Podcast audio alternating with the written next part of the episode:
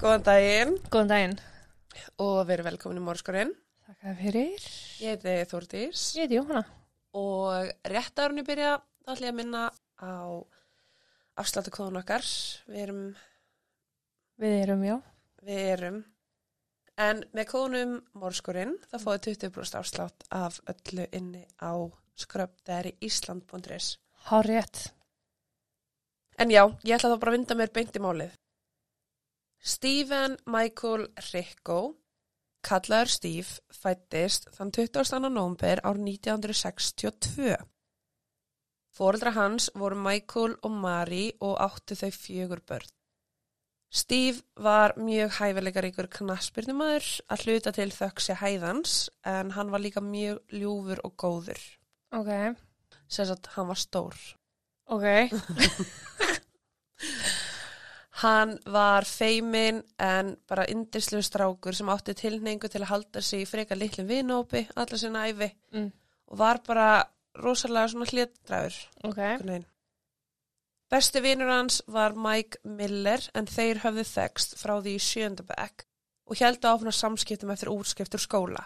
En þeir sko, þeir fóru í sama skóla, þeir byggu saman einhverju tímbili, þeir voru bara allra bestu vinir. Já. Mike og kærastan hans, Maureen, ákveðusist einn dag að kynna Steve fyrir Kim en þær tvær voru þjóna saman á veitingstað og Maureen var bara handviss um að þau myndu smetla saman. Ok. Eitt kvöldið árið 1984 þá fóru þau fjóra deitt og eins og ég sagði, Steve var bara mjög hlétræður en Kim var eiginlega bara anstæðan við hann. Hún var mjög hress, hún var hávær, opin og þrátt fyrir það þá bara smulluðu saman og eruðu ástfanginu hvort öru. Ok. Dóttir þeirra Anna kom svo í heiminn árið 1990 og árið 98 höfðu þau verið gift í tíu ár. Fjölskyldan bjó í bæ sem að heitir Laurel í Maryland þar sem að Steve starfaði sem yfirmaður á gólvellinum Baltimore Country Club og Kim starfaði sem löggildi skurlagnir á Holy Cross Hospital. Ok. Steve var mjög mikill fjölskyldumæður og Kim og Anna voru bara það allra mikilvægsta í lífans. Já. Með tímanum byrjaði að flosna upp á hjónubandi þeirra og parið hafði ákveðið að fara í hjónubandsarráðgjöf þar sem að þau vonuðist bæði eftir því að geta byggt upp sambandsitt og ný og bjarga því. Já.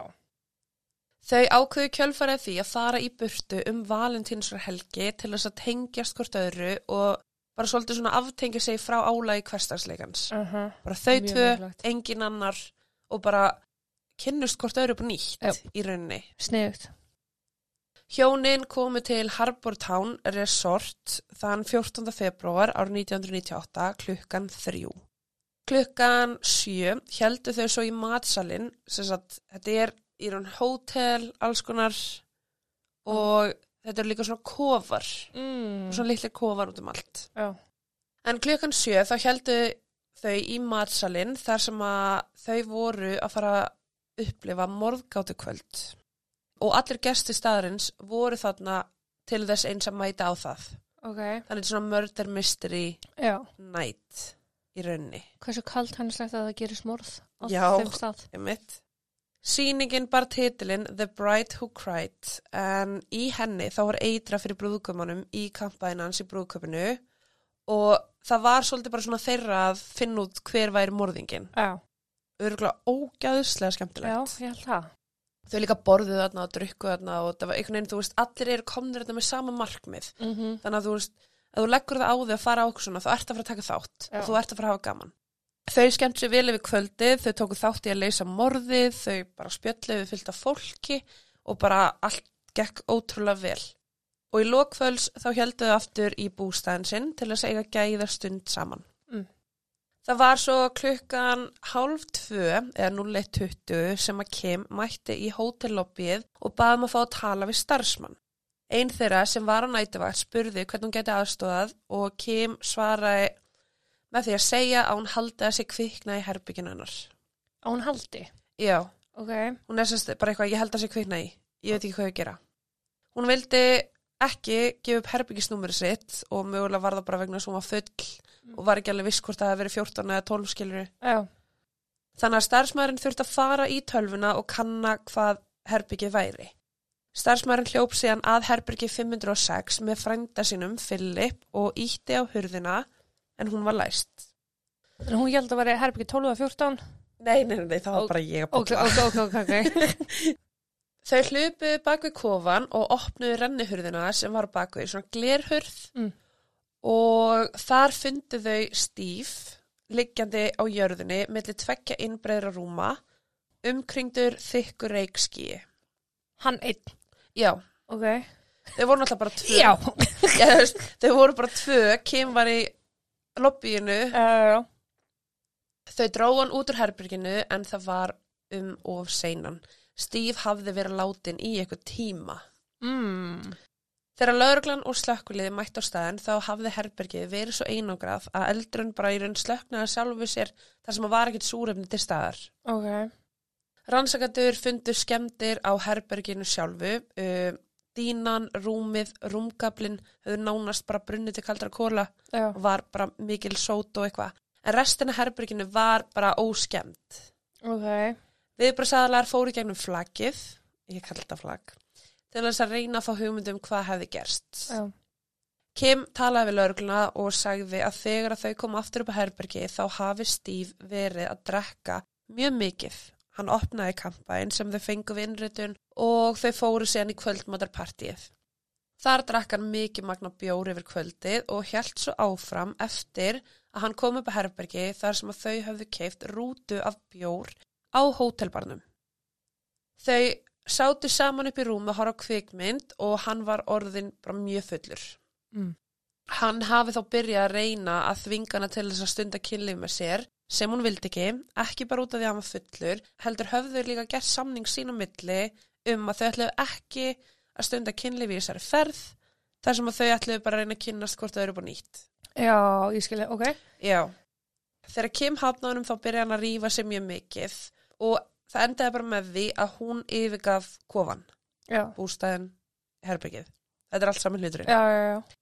Hún fór út í bíl og keirði fram á nótt og ætlaði meðal annars að fara heim til vinafólk þeirra, Mike og Maureen, en þau byggu bara mjög nálagt þessu resort. Mm. Hún sagði að hún hafi vilst á leiðinángað og að lokum snýr hún tilbaka. Þegar hún kom tilbaka þá átti hún sig á því að hún hafi glemt leiklunum að herberginu, inni herbergi, svo hún fór á bakvið og reyndi að komast inn í gennum glerhörðina og það var þá sem hún tók eftir því að herbergi var al elda. Hún ringdi í neðalínuna og talaði við starfsfólki í móttökunni og þetta var bara allt í samræmi við það sem að lauruglan fann á vettvangi. Já. Það var tóm kampaðisflaska í ruslinu, uh, það voru bjórdósir á víð og dreif og sagt lík Steve fannst með Playboy tímariti við hliðans á gólfinu. Ekki nóg með það, þá voru náttbuksunar og nærbuksunar dregnar niður fyrir nýja, bara eins og hann hafi verið að runga sér Ok. einn upp á herbyggi með bjórdós. Ég ætla rétt að vona að hann hafa ekki rungað sér með bjórnusni. Þú veist ekkert hvort hann hafi skorið smá gatt og... Já. Elds upptökin voru taldir vera tveir kottar sem að höfu stíf lá á. Ok. Það var einnig vindlapakki inn í herberginu og í hann vantaði einn sem að fannst nálagt rúminu. Mm.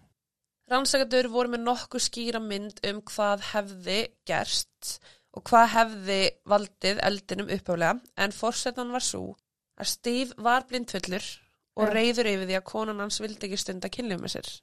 Hann hafði þá kveikt sér í vindil og farið að skoða Playboy tímariti. Já. Á einhverju tímpúti þá var hann áfengistöður, misti vindilinn niður með þeim afleggingum að það kviknaði í kottanum. Þannig að hann í raun olli sínum eigin dauða, örmulegt. En það er ekki óalgengt að fólk missi vindil, síkartu eitthvað og það, og það kveiki í. Þannig að þetta var bara slis. Mm. En það var það náttúrulega ekki að þau vorum að fjalla með þetta mál hér í dag. Nei, við erum bara búin, við getum bara farið heim núna. Nýrflokkur, slis. Það var hókislega leðileg flokkur. Rannsakati á vegum slökkvilisins mætti á vettfang daginn eftir til þess að loka málinu. Það var þá sem að hann fann nokkra hluti sem að hann vildi aðeins skoða betur. En hann vildi líka útiloka að það væru aðrar mögulegar ástæður fyrir eldsupptökunni til að koma í veg fyrir eitthvað vesen síðan mér. Mm. Þannig að svo síðan mér vil fjölskyldan opna málið og bara, já það var ekki rannsakað, já, Já. það var ekki rannsakað. Þannig að hann er bara komið í veg fyrir það. Og hann fór yfir rafmagnið, hann skoðaði loftræstikerfið, hann skoðaði hýtakompuna og bara staðfesti að það var ekkert, það var engin bilun í kerfinu, það var ekkert að Nei, þar. ekkert utan að komandi sem að olli eldunum. Nei. Og meðan því stóð tók hann eftir hvar eldurinn hafi byrjað og fann eitthvað svona lykt. Hann ákvað því bara til öryggis að fá hund inn sem var þjálfaður í að greina eldfima vökva og fekk staðfestingu á því að uppastæður eldsins var sérst á milli rúmsins sem að þýtti að eldurinn byrjaði ekki kottanum hans stíf sem var upp í rúmi Mm. og málinn var því bara breytti í kveikju þá og þegar. Ok, ok. að því að þú missir vindil á golfi það er ólíklega að hann kveiki í parkettinu Mm en þú missir hann í kottan og bara Mhm. dúnnin þannig að núna var allt í hennu eldur kvikna í miðjunu, milli rúmana Já, það, þú veist, a sense. já, einmitt Niðurstöður úr krupningunni hans komið tilbaka og var kolmonoximagnið eðlilegt Ok. Það fannst ekkert sót í nefi, munni, barka eða lungum sem að þýtti að hann hafði ekki andað að sér reik áður en hann lést. Mm. Hann var því annarkvort látin áður en að eldurinn kviknaði eða ekki að anda á þeim tímumóti. Já. Kim hafði sagt lögreglu að hann hafi verið blindfullur en áfengismagnið í blóðunans var zero. Nei. Jú. Þeir áttu í erfileikum með að skilja hvað nákvæmlega hafi gerst og þetta tveggja tíma, klukkutíma bil sem að Kim sagðist að hafa yfirgeið staðinn þar til hún kom tilbaka. Oh. Þú veist, þeir voru bara, ok, hvað hva var að gerast þá á þessum tveim tímum sem að hann var einn sem Já. Kim var í burtu. Þeir komist líka að því að Mike og Maureen þau byggu í um 10-15 mínuna fjarlægð þannig að af hverju var hann í tvo tíma að keira og leita af þeim. Mm. En maður skilur það samtali ef hún var að keirum og bara til að hreinsa hugan eftir yfirildin og bara hlusta á tónlist eða eitthvað skilur já, og bara, óh, ég ætla ekki að fara aftur tilbaka fyrir hann kannski segir fyrir geða eitthvað. Já, veist. Hún hafði sérst bara verið að keira þarna um á þessu svæði að því hún fann ekki þjóðvegin. Málið var samt að Kim var með farsíman sinn á sér og laurglan vissi að símin hennar væri með batteri en það hafði notað hann til þess að ringja á neðlínuna. Mm. Hún hafði einnig beðið laurglan á staðunum um að ringja í Mike og Maureen og hún kunni númerið þeirra utanaf. Svo það var alveg smá skrítið. Af hverju? Hún er í tvo tíma að leita húsinu þeirra og tekur ekki upp tólið og ringir og segir hvar búið þið? Já. Hvert keiri ég? Ég er að koma. Mm -hmm. Hún sagði í samtali við lauruglu að hún hafi ekki viljað vekja þau en hún ætlaði samt sem að vera að mæta fyrirvaralaust heim til þeirra Já. að vekja þau. Hún sagði að þegar hún sá eldin þá hafa hún einnig hlupin í næsta kofa sérst við hliðin á til að fá aðstóð en það svaraði enginn þannig að hún hljóp á stað inn í andrið eða ok, það var að tala um hún hafi keirt þangað Já. Og síðan fara úr bílinu sínum inn í andrið Mm. og hún sagði að hún hefði bara hlupin bara vissi ekki hvað hún átti að gera og byggði starfsfólki um að hjálpa sér Já. það var hins vegar ekki þannig sem starfsfólki lísti kvöldinu þau sögðu að hún hefði gengið um rólega í mótökuna staðið við borðið byðið og tekið sinn tíma í að býða eftir einhver myndi ræða við hana fyrrabræði Ó. og það var ekki fyrir að hún var spurð sagt, hvort einhver hafi verið inn í kofanum Mm. sem að hún segi, ó já, maðurinn minn gæti verið hana. Já. Já. Lörglann hafði þá samband við Kim daginn eftir bara til að taka hann í skýslutöku og þeir þurfti raun bara vegna þar sem hún hafði verið svo þreytt að hún hafði lagt sig í herberginu við hliðin á þeirra. Já, ok. Já. Það var þá sem að kom í ljós að hjónaband þeirra var miklu verra heldur en að Kim hafði upphálega sagt. Mm. Hlutir voru svo slæmir að Kim hafði beðið um skilnað í nóvember ár 97 Ok. og um það byrð þremur eða fjórum mánuðum áður hafði Steve brotna niður og grátbyðan um að vera áfram með sér og vinna í hlutunum. Ok. Hún hafði verið ósátt en Steve bara lofaði öllu fögru og var einnig byrjar að taka þunglinsleif á þessum tíma. Þú veist, það var bara að reyna að gera betur. Mm. Kim hafði gefið honum lista yfir hluti sem hann þurfti að vinna að til þess að geta verið með henni áfram og það var bara eitthvað, hann var ekki að hjálpa með heimilið, hann vildi sjaldan fara út úr húsi, fara með henni eitthvað date eða út að borða. Sem er vantalega stafað þunglindari. Já, og hann eitti nánast engu tíma með henni eða dótturinnar. Ok. Steve var hann í að gera allt þetta bara til að bjarga hjónabandinu en það var einhvern veginn bara svolítið of seint. Já. Hann hafði einnig tekið sig verulega á þegar að koma hjónabandinu en hann var byrjað að ringi hana yfir daginn, sendi henni skilaboð, segni hversu mikið hann elskaði hana, klakkaði til að hitta hana. En hún hafði bara talað við vinkunni sinna og sagt að henni fyndist eins og Steve væri að kæfa sig með öllum þessum skilaboðum. Já, svolítið svona love bombing. Já. Já. Já. Þetta var hins vegar ekki eina ástæðan fyrir því hún vildi skilnað en í sama mánu og hún baði um skilnað þá hafði hún kynst manni að nafni Brad Winkler Æj, æj. en hann var frændi samstarfskonu hennar. Hún var strax hrifin á honum en hann var 23 ára gammal sjómaður og þrátt fyrir að Brad hafi gert sig fulla grein fyrir því að Kim var gift að þá var hann bara þetta er konan mín. Já. Ástarsamband þeirra á milli hafði gengið á í ykkur tíma og þegar að Kim og Steve fóru í valentínsafærna sína til að laga sambandi sitt, Já. þá fórum kvöldin áður að heimsækja Brad á meðan hann var út á sjó og skildi eftir valentínsagjöf og kort í svefnherbyrginu hans. Síðast en ekki síst, þá kom í ljós að Kim var skráður bóta þegi á líftrygginguna hans Steve sem að hljóða upp á 450.000 dollara. Mhm. Ein af þessum tryggingum hafði Kim tekið án vitundar hans en í henni hafði hún sagt að Steve væri mikill reykingamæður sem var bara mjög skrítið. En sérst, þegar þú ert að kaupa líftryggingu eða tryggingu þá þarf það að segja reykir eða Já, ekki. já, já. Og Steve reykti ekki, hann hafði aldrei reykt og reykti ekki eins og vindla. Ó. Lörglann fór þá að sjá aðra mynd af atbyrjum kvöldsins. Kim hafði reynt að fara á hjónabandinu með því að byggja um skilnað og það gekk ekki eftir og það virtist bara eins og mánuðina fyrir andlatið þá hafa hann bara sætt sig við það. Kim hafði einnig sagt vinu sinni frá því að hún hafði áhyggjur um að Steve myndi fá fullt forræði yfir önnu ef þau myndi skilja og myndi bara einhvern veginn reyna að snúa hann í gegn sér. Hún sagði vinkunum sinni að ef Steve myndi komast að sambandennar við Brad þá myndi hann örgulega binda enda líf sitt sem myndi leysa öll hennar vandamál. En svo held hún áfram og sagði eitthvað svona æ, þá myndi ég reyndar ekki fá líftrygginguna ef þetta er sjálfsvík. Æ. Þú veist, bara eins heiðalegt og opið og þetta samtal hljóðar að þá getur vel verið að hún hafi bara þá þegar verið að dreyma upphátt Já. um döðdaga Mhm. Steve. Þetta er líka komið rosalega mikil ásetningur. Já, það er eitt að tala við vinðin og vera bara eitthvað ég drepa hann á morgun Já. úr reyði eða þá vera bara eitthvað líftryggingin. Þú veist, þetta er svona ah, kannski svona saldið mun, mikill munur á samtölum. Það er svo skrítið samt hvernig, þú veist hvað lífitrygging er. Stór ástæða morða úti. um, Í desember ár 97 átti Kim undarlegt samtal veitna vinnufélagum sínum á spítalunum uh, Kenneth hafði unni með henni í mörg ár. En 12 árum áður hafði hann verið dæmdur fyrir fjársvik. Mm. Kim baðan uh, í þessu samtali um að drepa mannin sinn og Kenneth stóð bara þarna og held hún var að grínast. Veist, hún hafði alveg kvarta yfir vandamálum hjónabansins en aldrei þannig að hún væri bara eitthvað viltu drepan fyrir mig. Ég á svo erfitt með að skilja. Hvern myndir þú byggja um að drepa makaðin? Eitthvað sem ég þekki aldrei ef aldrei hitt. Já. Má myndi halda það. Líka, þú veist, hvernig treystur þau bara einhverjum vinnufélag fyrir þessu?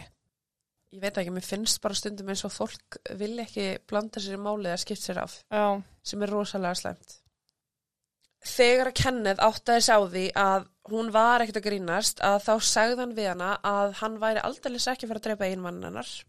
En Kim spurði þá hvort hann þekkti eitthvað sem að geti gert það og sagði að hún væri tilbúin til, til að borga 50.000 dólar fyrir það.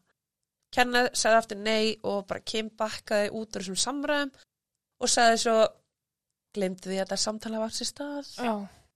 50.000, það er hvað? 5 miljónir? 100.000 dólarar eru 14 miljonir. Já. Mm Sem er þú veist bara rífuleg árslaun.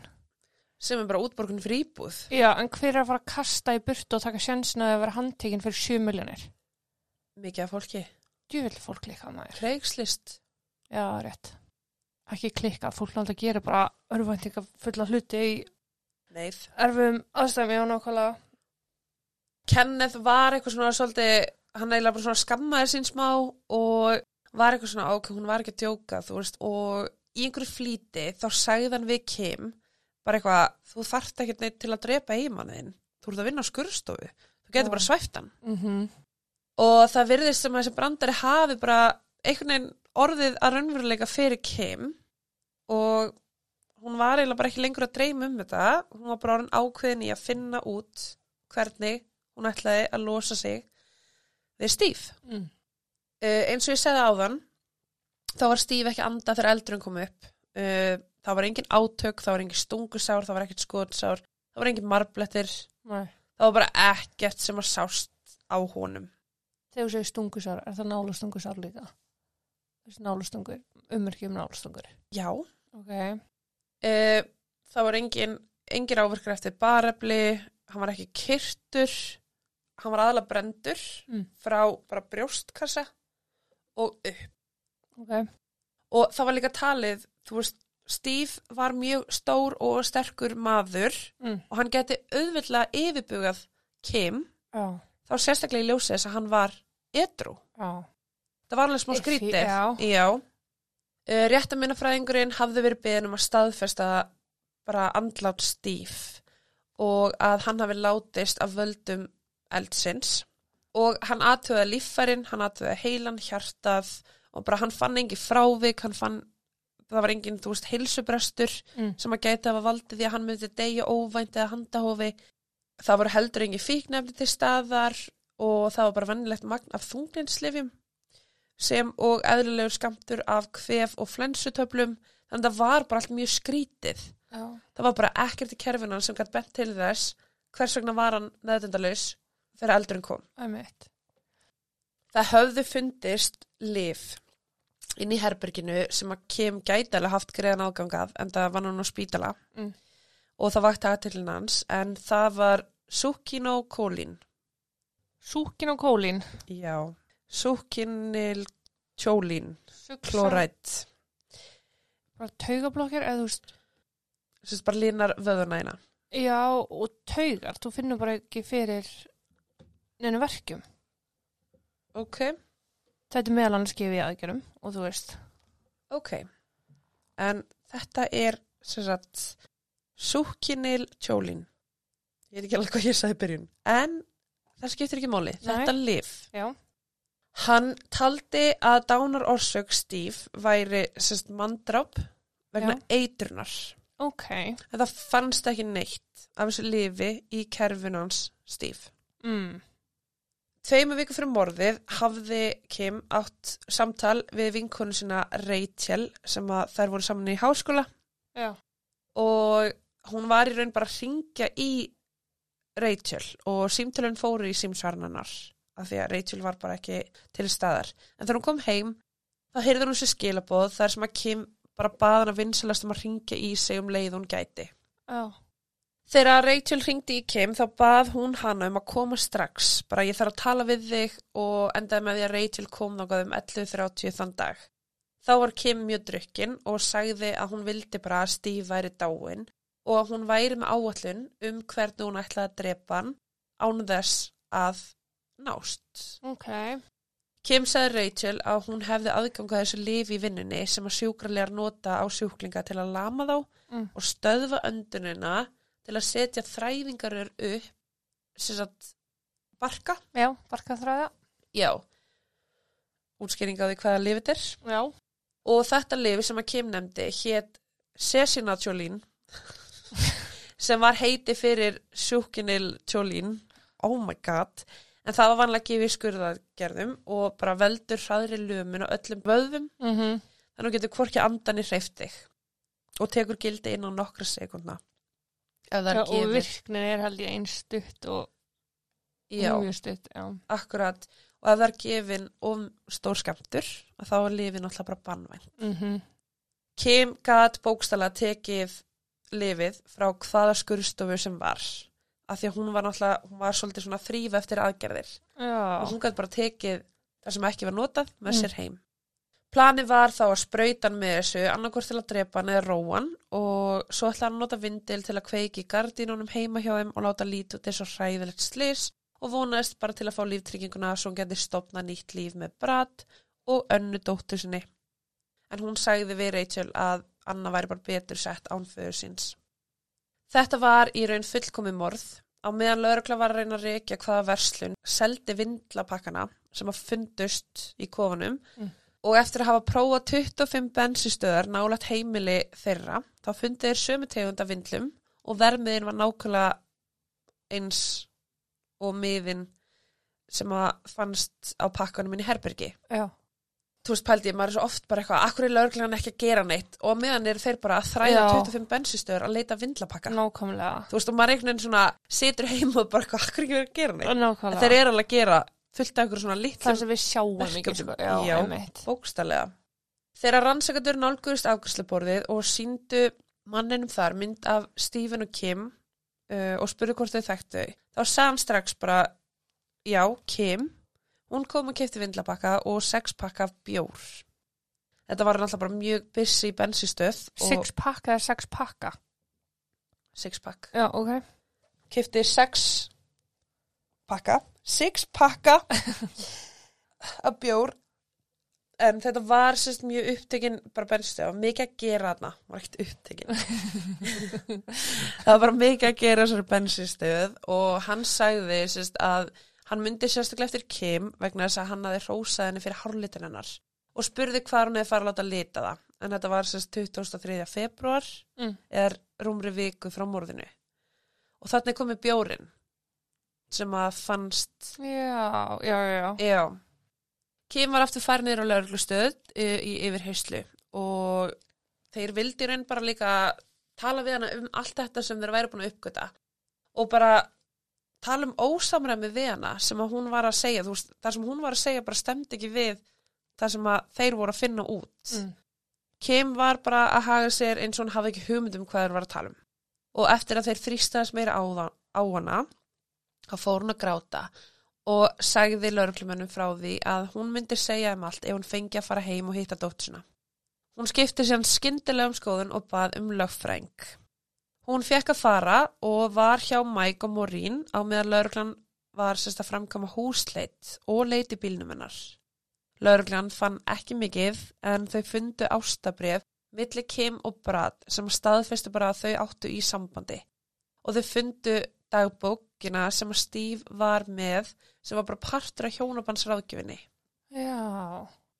Í þessum dagbókur fæslum hans þá er hann bara að lýsa ássinni á Kim og hversu mikið hann vildi óska þess að þau gætu leist úr sínum vandamálum. Já.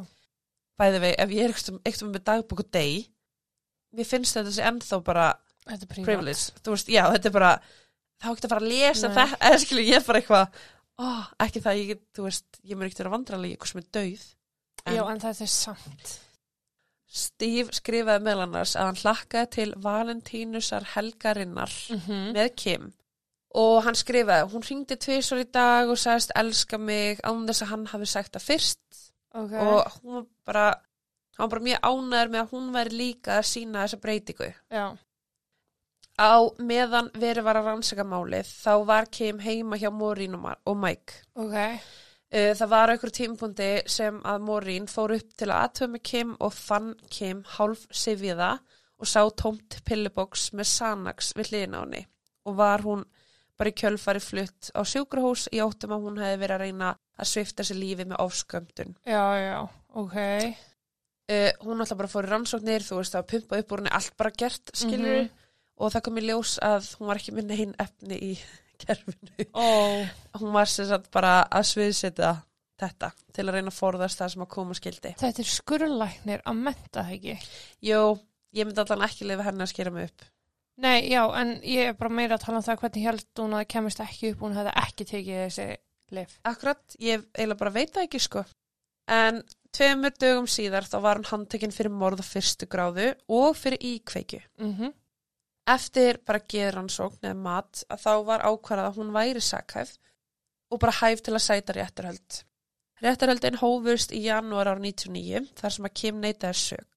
En ákæru valdi vissi í raun og veru og þeir væri búinir að vinna þetta dómsmál. mm. Þeir voru alltaf að hafa fyrir því að lifta fingri, sko. Nei, þetta frekar bóra lengjandi. Já, þú veist, bara byggt á rannsók lauruglunar, byggt á kvöldinu uh, og bara annað að þá vilja þeir meina að hún hafi planað þetta fyrirfram og hún hafi síðan dreigja hann af sagt kvöldinu upp í bústað og vera að tæla hann með kynlífi. mm, Já.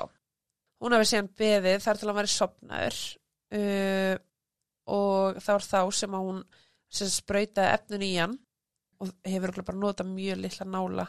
já, já, milli tanna eða undir tánaglur eða eitthvað Hún dró hann á gólfið, hljópum og bara sett upp vettfangin. Það voru kampaðisflöskur, bjórflöskur, vindlarnir, pleiputímaritið og svo hafði Kim tekið eldvökva, Mm. Held yfir höfuðans og efri líkama og kveikt eldin.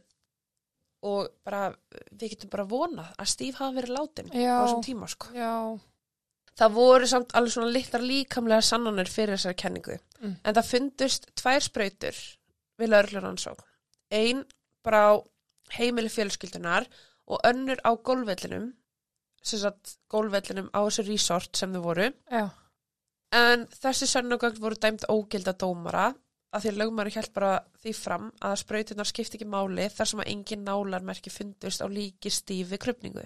nei, Þannig að þeir geti ekki fundið bara eitthvað sprautur á, bara út í vegkanti nei, og bara, já, notum þetta. veit Það var einnig ekki hægt að nota greininguna sem að hundurinn hafi fundið út af því að það var talið vera ólöglegt þar sem að engin efnafræði prófun var gerð og mögulega var nota ykkur sem hafði þá gufað upp og var ekki lengur greinalegur. já, ok.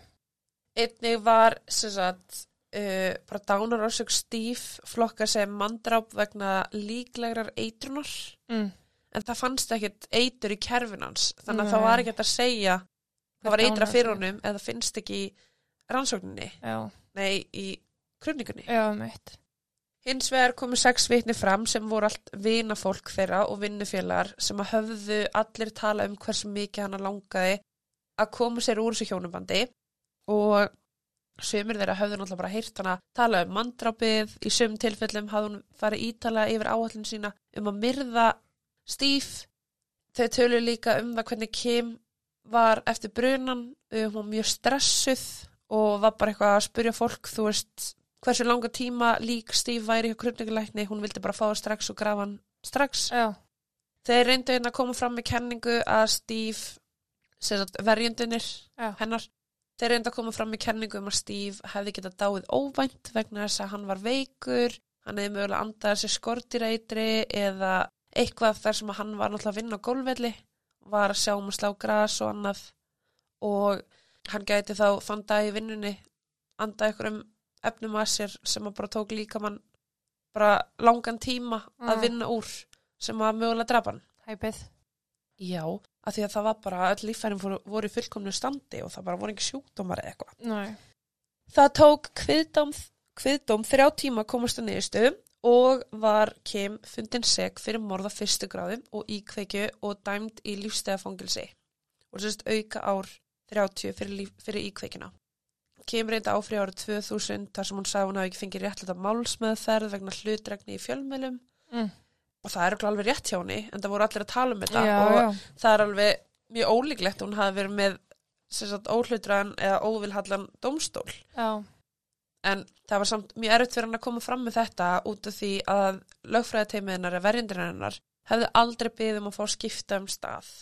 Nei, sem sagt, þeir hefðu þótt að vera bara eitthvað, ok, það eru allir hér búin að frétta um þetta mál. Já, förum til Chicago já þar sem enginn hefur heyrt um það og fáum bara fresh eyes. Nákvæmlega, og hlutlust mat bara, já, hrein augu.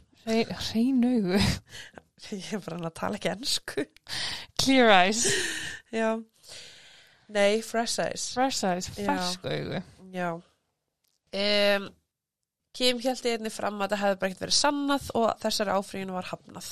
Hún áfríði aftur árið 2004 og enn þann dag í dag situr hún inni fyrir morðið á Steve og er bara fyrirmynda fangi í Maryland Correctional Institute for Women. að nú gott hún sér til fyrirmynda þar Já, þetta er ótrúlegt vegna þess að þau fara á morðgáttu kvöld og þar endar einhver á því að deyja. kaltæðnin Dries líka bara af öllum kvöldum sko. Og pluss að, að hún var búin að plana í eitthvað tíma og þau fara að náta morgáttu kvöld en það veit ekki hvað er í gangi eða veist, hvað mál er að vera að fara að taka að gerast nei, og þar er eitra fyrir brúðgumannum hver ætli hafi verið morðingin í því máli samt? Það var, það var eiginkonars, ég las það ekki starf. Nei. Jú. Þannig að það er að þetta er rosalega kaltaninn, já, ótrúlegt. Já. En já, ég allavega hef ekki meira við þetta bæta, en að djöld var ég til að fara á svona kvöld. Já, ég líka. Ég var til að halda svona Ég sá þetta var einhvern tímann á, hvort það var hótel Ranga eða eitthvað. Aha. Það var einhvern tímann á okkur hóteli. Það var bara gistinginu falin matur og bara morgáta. Það er mjög nett. Uh En já, herðu, ég ætla þá bara að þakka fyrir í dag. Já. Ég segi þá bara takk og bless og þar til næst. Takk og bless.